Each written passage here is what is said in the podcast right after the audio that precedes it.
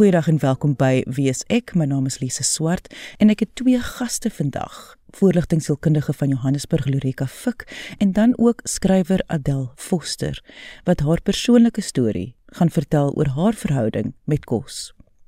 Indien jy enige vrae het oor vandag se onderwerp, kan jy ons kontak deur die webwerf gaan net na www.wieisek.co.za of na Wieisek se Facebookblad onder wieiseksa. Maar kom ons luister nou eers na die begin van Adele se storie en dan na Lorika Fik se opinie oor eetversteurings. My naam is Adele Foster. Ek het groot geword in die klein dorpie Weppener in die Vrystaat. Ek is 'n Vrystaater in murg en been. So vandat ek kan onthou is ek oorgewig. Al wat ek weet is van kleins af het ek die behoefte gehad om te eet. Ek dit was asof ek altyd honger was ek was in standaard 1 graad 3 soos hulle dit nou noem en ek het al reeds 70 kg geweeg. En ek het gevoel kos is my maatjie. So ek het nog altyd kos was nog altyd vir my 'n manier om die angs te besweer. Ek het altyd gevoel as ek angstig is en ek eet ietsie dan voel ek dadelik beter. So mettertyd het hierdie ek voel beter nadat ek iets geëet het vir my ook 'n hanteringsmeganisme geword en dit sou dan ook omsit in my obsessie met kos en dan my verslawing aan kos. Want ek het altyd so getroos gevoel as ek iets eet. So ja, die gewig ding is van baie kleins af. Ek sou nie sê dit het die depressie veroorsaak nie. Ek sou sê dit was bloot vir my 'n manier om die depressie te hanteer. Lorika, ek dink wanneer dit kom by gewig en dit wat kom by eetversteurings, mense wat nie oorgewig is nie of uh, wat nie eintlik sukkel met kos nie, sukkel om te verstaan hoe kompleks hierdie onderwerp is. Hierdie is nie 'n een eenvoudige onderwerp van sommer net hou op eet of eet minder of jy moet maar net 'n bietjie selfbeheer uitoefen nie. Dit is glad nie 'n een eenvoudige prentjie nie. Mm, dis baie baie kompleks. Ehm um, jy weet Lise, voordat ons eers in die in die gesprek betrokke wil of uh, dieper betrokke raak, wil ek wil ek ehm um, somme 'n scenario skep, nê? Nee? Jy sit met ehm um, 'n mamma en 'n pappa en 'n kind wat by die tafel sit en ons gaan nou aandete eet, reg? Daai mamma en daai pappa en daai kind is die enigste mense wat weet wat binne in hulle lywe aangaan. En nou sit jy, kom ons sê hierdie ehm um, seentjie sit daar en hy's 4 jaartjies oud en hy weet hy's vir wat ook al rede vandag nie honger nie. Hy het nie baie gespeel nie of hy voel nie lekker emosioneel daai dag nie en hy wil nie hierdie kos eet wat daar voor hom gesit is nie. So daai seentjie sê dan vir wat ook al rede hy wil nie die kos eet nie of hy's net lus om die lekker kos op die bord te eet of wat ook al. Nou kinders kan nie hulle emosies reguleer of hulle self hulle liggame reguleer buiten wat hulle inneem nie. Want onthou, die oor en die mond en die neus is die enigste 3 areas in die liggaam wat ons dinge mee inneem. Nou, jou liggaam, jou brein is baie mooi ontwerp dat hy auditief die die reuk um sintuig en die proe en die taktiese uh, afdeling. As ons nou hierso kyk na sensoriese um baie mediese terme. Jou brein het 'n sif wat dan veroorsaak dat jy daai sif kan um ek wil sê medieer nê nee? so met ander woorde as jy as jy met klank te hard is dan help die brein om dit te reguleer as die reuksintuig te sensitief is dan help die brein om dit te reguleer en die mond kan jy kan sê ek is nie honger nie, ek is nie dors nie of ek is honger, ek is dors en my omgewing gee vir my wat ek nodig het of nie wat ek nodig het nie. Maar wat dan nou gebeur is, nou is mamma of pappa kwaad want hulle het nou die hele middag tyd spandeer om die kos te maak of hulle het absoluut geen agting vir die behoeftes van die kind nie, want dit gaan als oor die behoeftes van die ouer en dan oorskry hulle die grense van daai kind. So die die slegte ding is ek dink volwassenes het hierdie tendens om te glo dat kinders is uit om hulle te manipuleer. So nou wil jy nie die kos eet nie. Hoe durf jy jou ma se disrespekteer deur om nie die kos te eet nie? Maar dis die enigste ding wat daai kind het om hulle self te reguleer.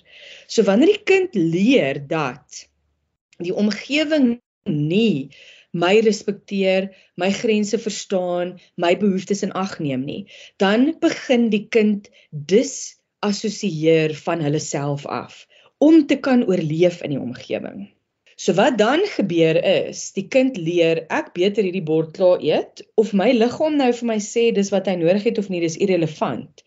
En dan sit ons met 'n massiewe krisis waar daai kind afstand doen van wie en wat hulle regtig is.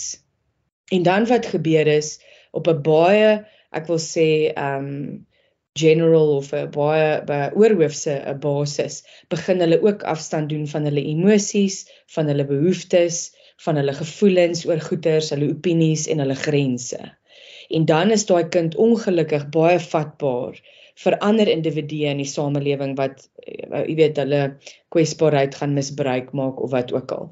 En as ons nou eers daai, ek wil sê Petri bakkie verstaan, dan kan ons eetsversteurings beter verstaan. Want wat dan gebeur is die kind of die persoon begin kos gebruik as 'n manier om hulle te reguleer.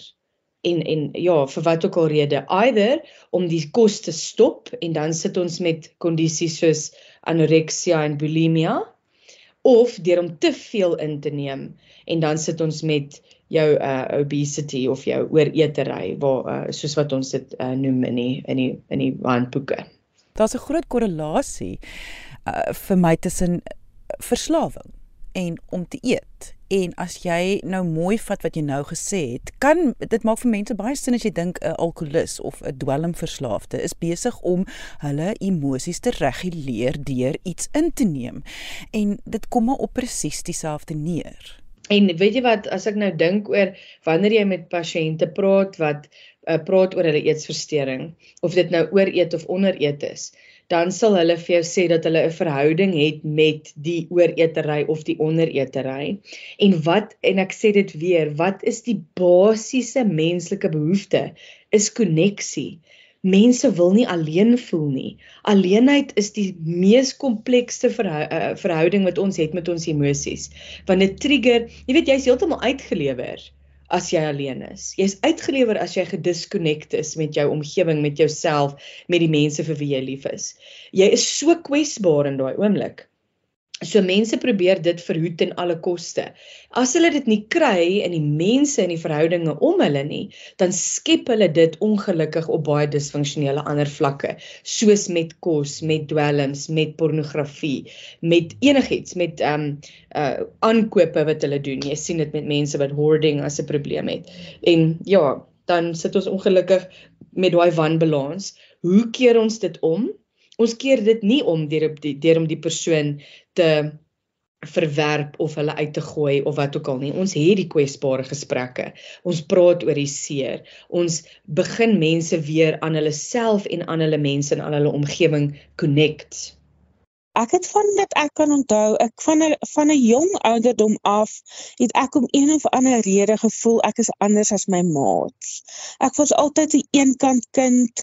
Ek het altyd gevoel is nie so jolly soos hulle nie. Ek het gevoel selfs as klein kind was ek nie lus om te speel nie en ek het nooit geweet hoekom nie.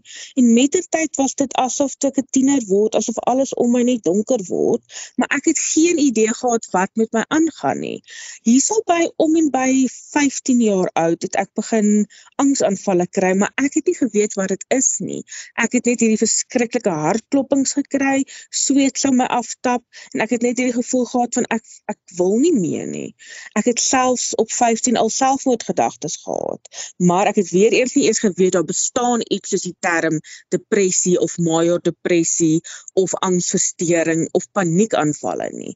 So ek het op 15 na onderwyseres toe gegaan en vir haar gesê, "Hier's iets fout met my, maar ek weet nie wat nie."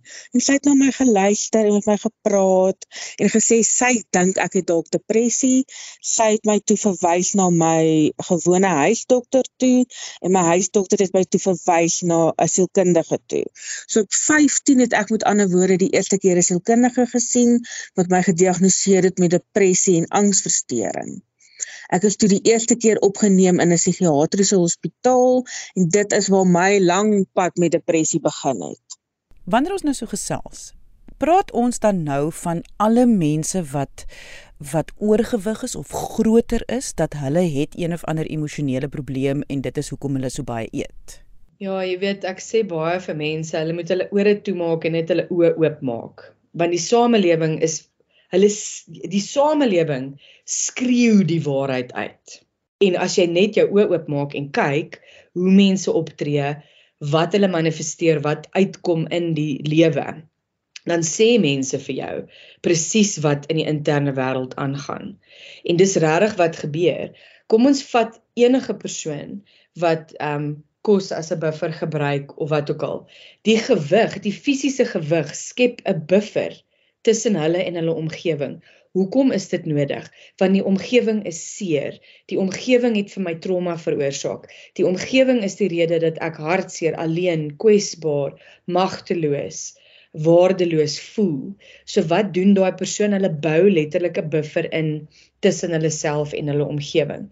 En dis nie die persoon hoef nie eers iets te sê nie hulle gedrag en waartoe hulle gaan is is so luid duidelik dat dat dit is wat daar aangaan en dieselfde ek dink is dieselfde met enige kondisie waarmee ons sit daai jy kan jy kan dink dat jy dit wegsteek maar eintlik is die kondisie verskriklik eerlik met jou omgewing maar ongelukkig is mense so afgesny dat hulle nie jou kreet raak sien dan nie En dit dis dis ek dink waar die krisis lê.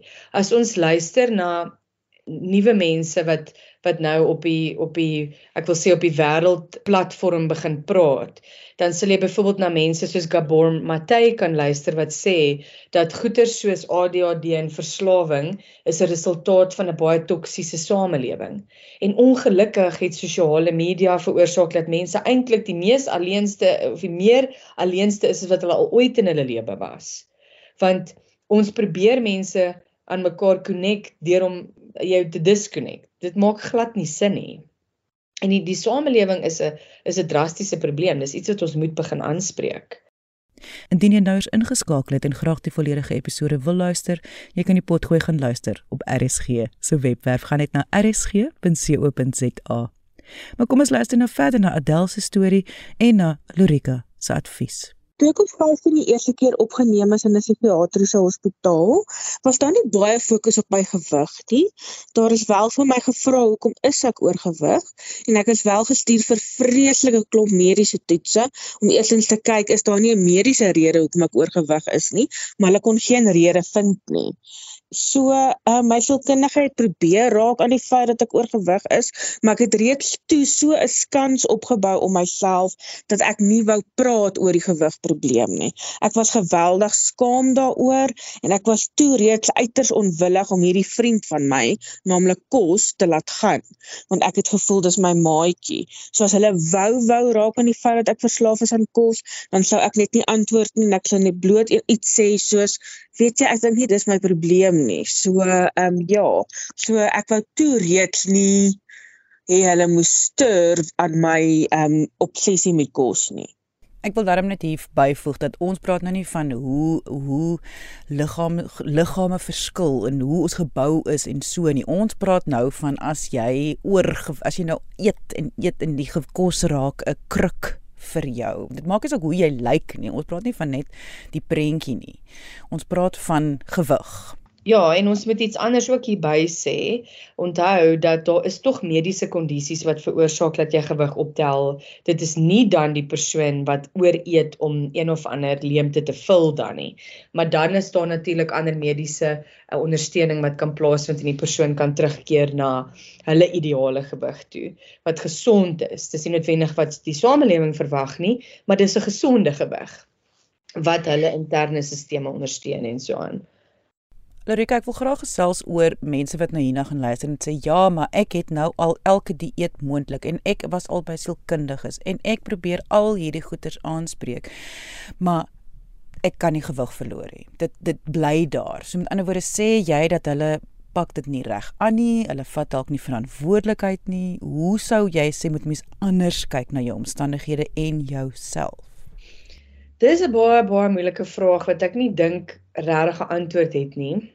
Wat ek wel weet is dat as jy op 'n mediese vlak verantwoordelikheid vir jouself gevat het en jy weet dat jy nie jouself ooreet en verantwoordelikheid neem vir daai afdeling nie, dan is die werk dalk om te begin aanvaar en jouself te leer lief hê soos wat jy is. Um as 'n dokter vir jou sê dat hierdie hierdie gewigskrisis wat jy het bly 'n probleem, jy weet ons gaan heel waarskynlik sit met 'n hartaanval of 'n uh, wat ook al mediese kondisie in die, in die nabye toekoms dan moet daar net ehm um, dieper ek ek dink dalk met 'n met 'n dieetkundige of so aan gekyk word na wat ons kan doen. Maar jy weet die ding is uh, en dit is wat hierdie gesprek met eetversteurings so moeilik maak. Ehm um, met met baie goeters as jy gaan kyk na die DSM 1 + 1 is 2.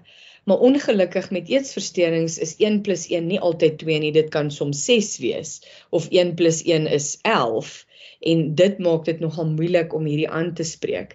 Ek wil net ook terloops by sê, as jy gaan kyk na die navorsing en hoe die diagnostiese um kriteria handboek verander het oor die laaste paar jaar, sal jy sien dat selfs sielkundiges en kenners is nie heeltemal seker waar die oorsprong van hierdie goeters lê nie mense is besig om al hoe meer en meer navorsing te doen om sin te maak van waardeur 'n pasiënt gaan. Maar wat ek wel weet, wanneer jy kyk na die basiese menslike behoefte van koneksie, dan miskien is dit nie die pasiënt wat die werk moet doen nie. Miskien is dit 'n meer sistemiese probleem. En daai pasiënt moet dalk dan eerder in ietsie soos familieterapie ingaan as wat hulle in individuele terapie ingaan. Wat se verhoudinge om hulle is problematies. Wie mis hulle geweldig baie? Wat se vergifnis moet plaasvind in daai persoon se lewe en se geskiedenis? Jy weet as jy vat trauma, die hele ongelukkig, laat ek net sê nie die doel nie, maar ongelukkig is die nagevolge van trauma is disassosiasie. Teen jou siege, teen jou liggaam, teen jou gedagtes en jou denke. So wat dan gebeur is wanneer daai persoon gefragmenteer word, dan is dit ongelukkig baie oop vir goeters soos eetversteurings of depressie of wat ook al. En baie keer moet die persoon dan net deur die trauma gaan werk.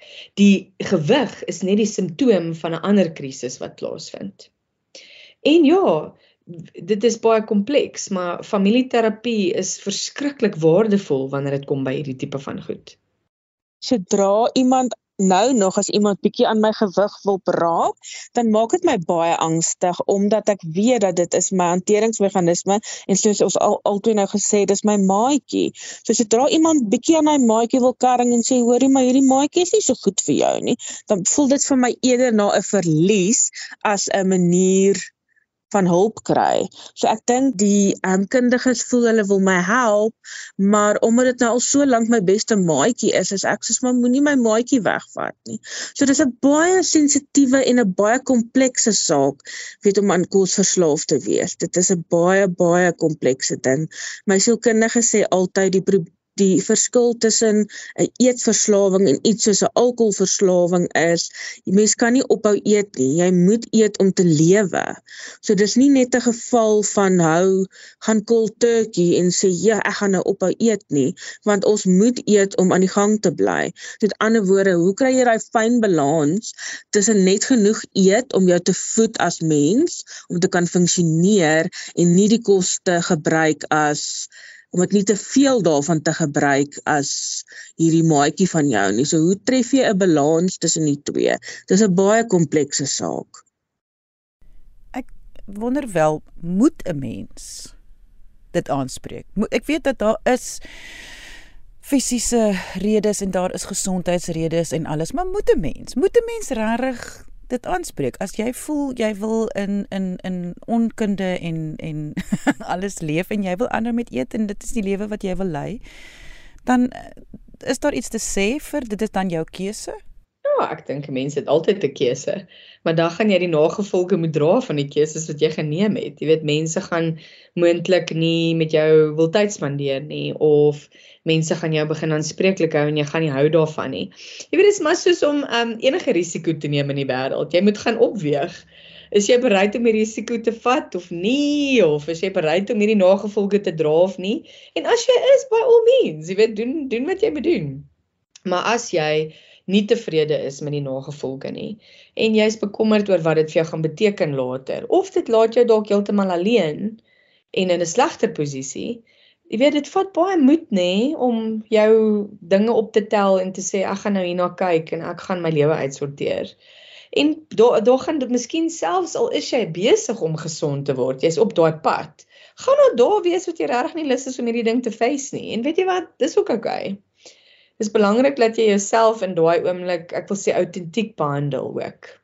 Ontkenning is nogal vir my iets wat ek ek meer en meer oplet in sosiale media en hoe die wêreld eetversteurings aanpak want die woke beweging natuurlik en hoe jy moet aanvaar hoe jy lyk en dit is hoe ek is en jy as buitestander moet aanvaar hoe ek lyk is alles goed en wel. Daar is 'n positiewe daaraan. Dis natuurlik moet dit ook in ag geneem word, maar daar is hierdie sy vir my van ontkenning wat daarmee saamgaan.